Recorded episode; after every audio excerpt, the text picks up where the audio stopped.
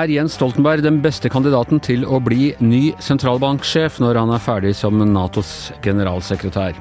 Og inflasjonen i USA har passert 6% Går vi mot en ny hyperinflasjon? Dette er Giæver og gjengen. Det er torsdag den 11. november.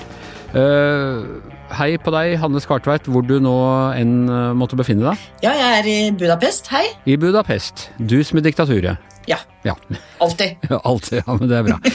Du, eh, Hanne, du var den eh, første, så vidt jeg har fått med meg, som eh, ikke, jeg vil ikke nevnte muligheten, ble litt beskjeden, som rett og slett lanserte eh, Jens Stoltenberg som eh, ny norsk sentralbanksjef.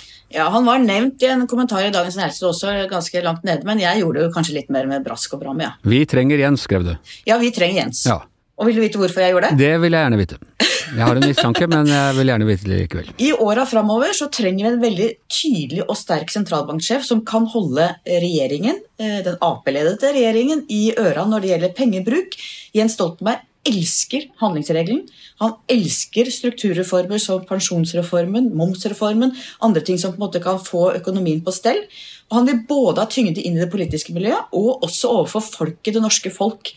Vi har snakka om perspektivmeldingen før, Anders, og det er klart at det er veldig lite handlingsrom i økonomien i årene framover, samtidig som vi vet at regjeringer liker å bruke penger. og Da tenker jeg en Jens Stoltenberg som har den tyngden han har inn i mange ulike deler av det norske samfunnet, vil være en helt riktig mann på det stedet. Men uh, du ser ikke problemet med at han rett og slett er for tett på? Altså Han og Jonas Gahr Støre er uh, gamle private venner. Uh, de har vært nære politiske allierte.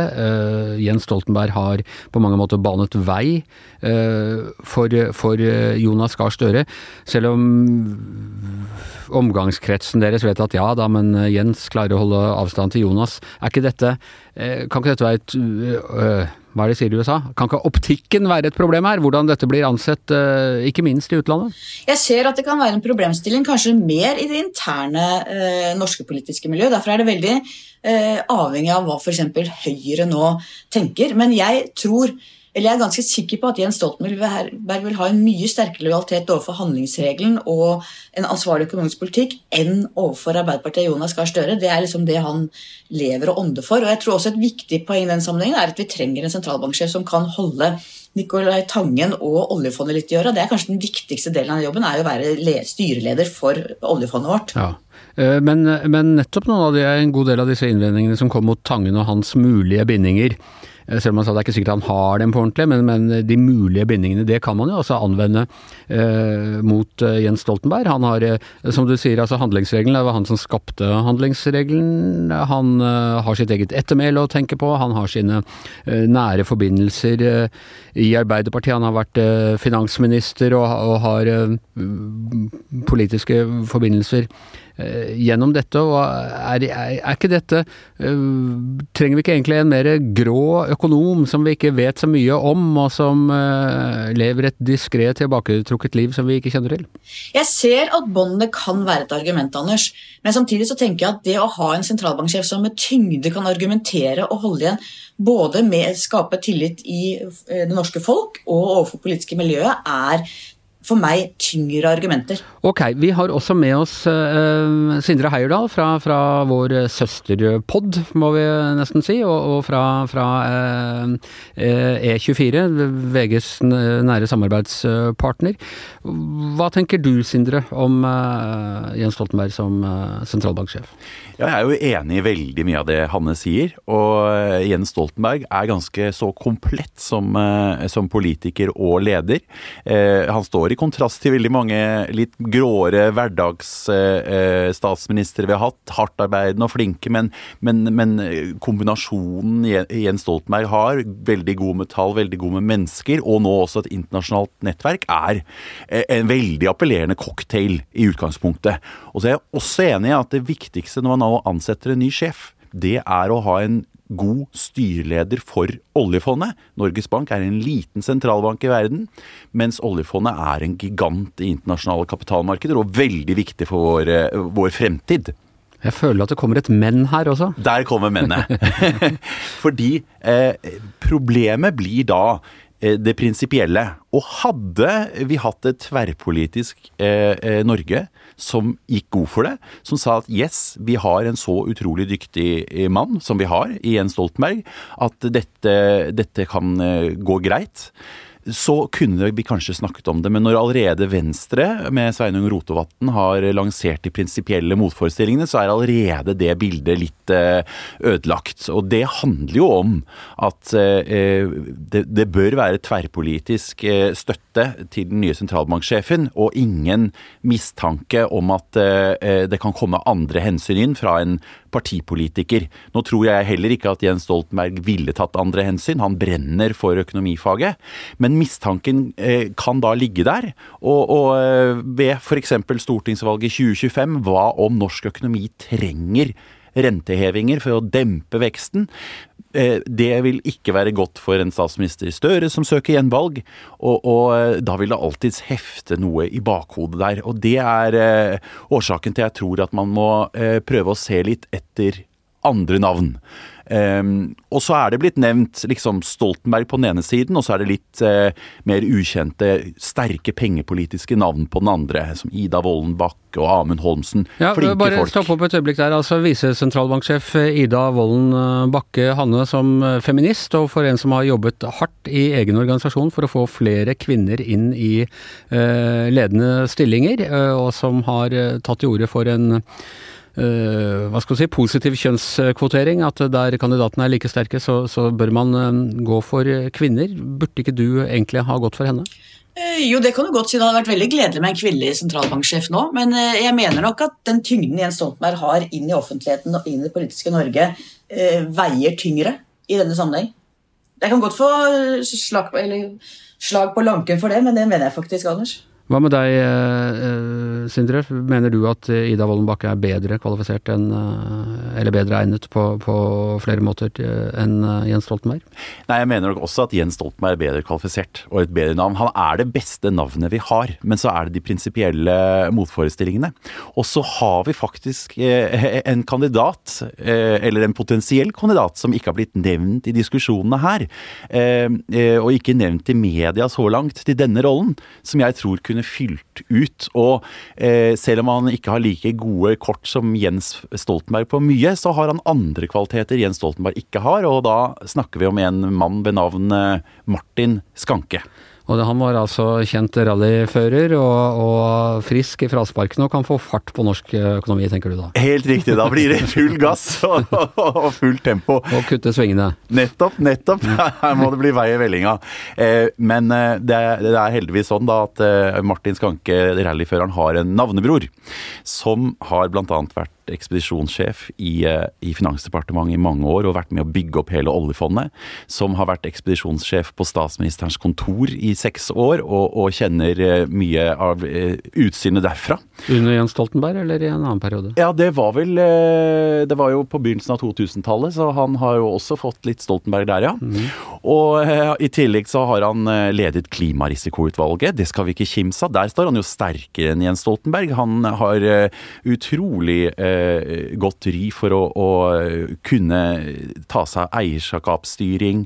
Eh, hvordan man manøvrerer i et, eh, et, et bilde med økte grønne kapitalstrømmer. Han har mye på CV-en som, som, også gjør at han eh, er en naturlig kandidat, spør du meg.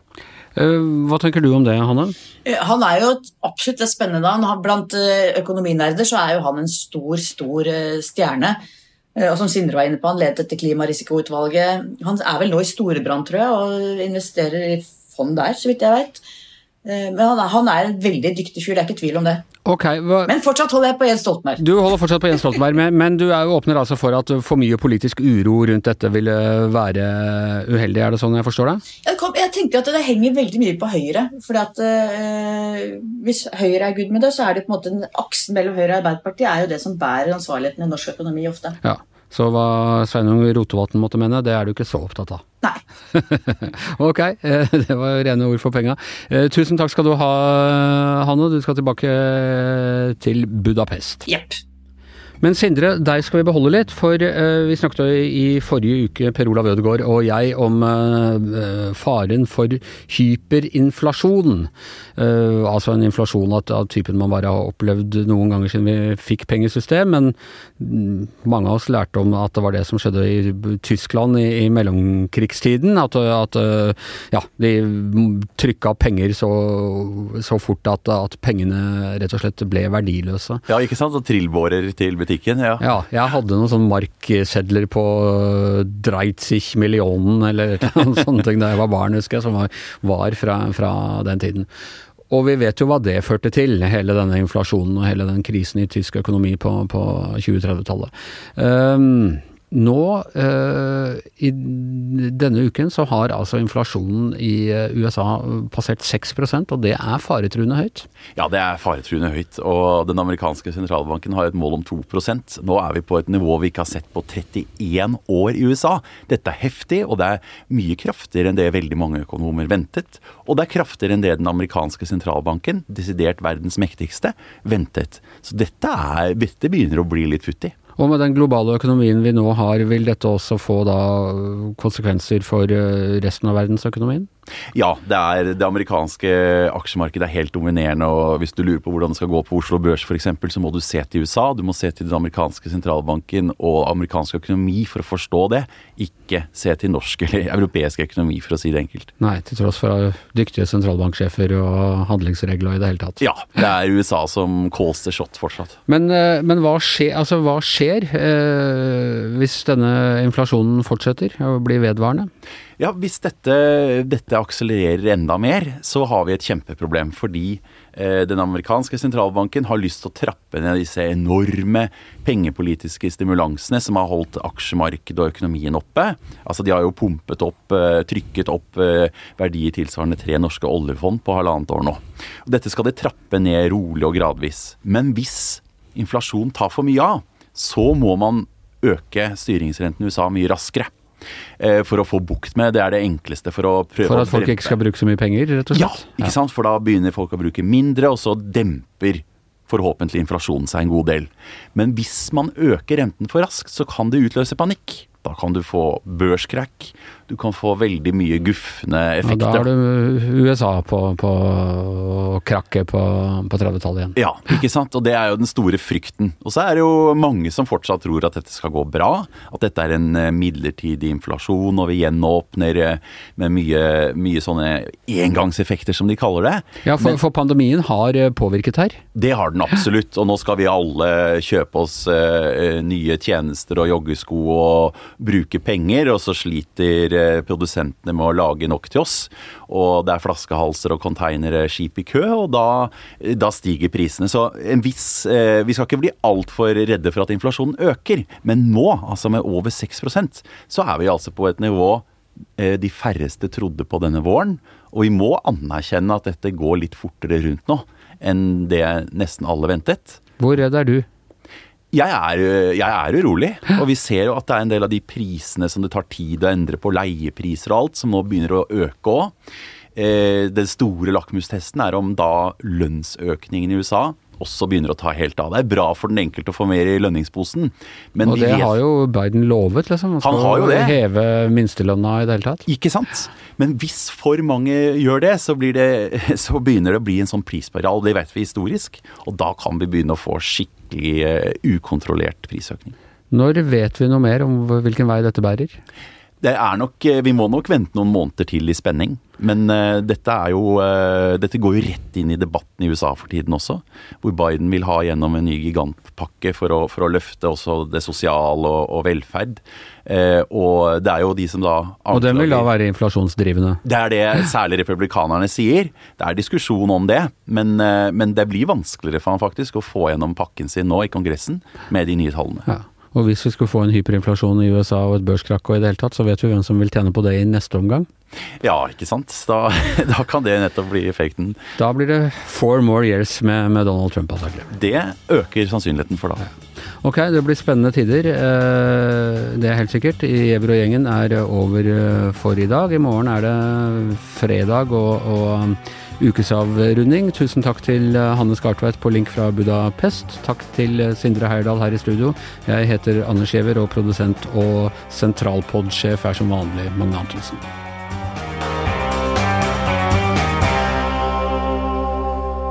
Du har hørt en podkast fra VG.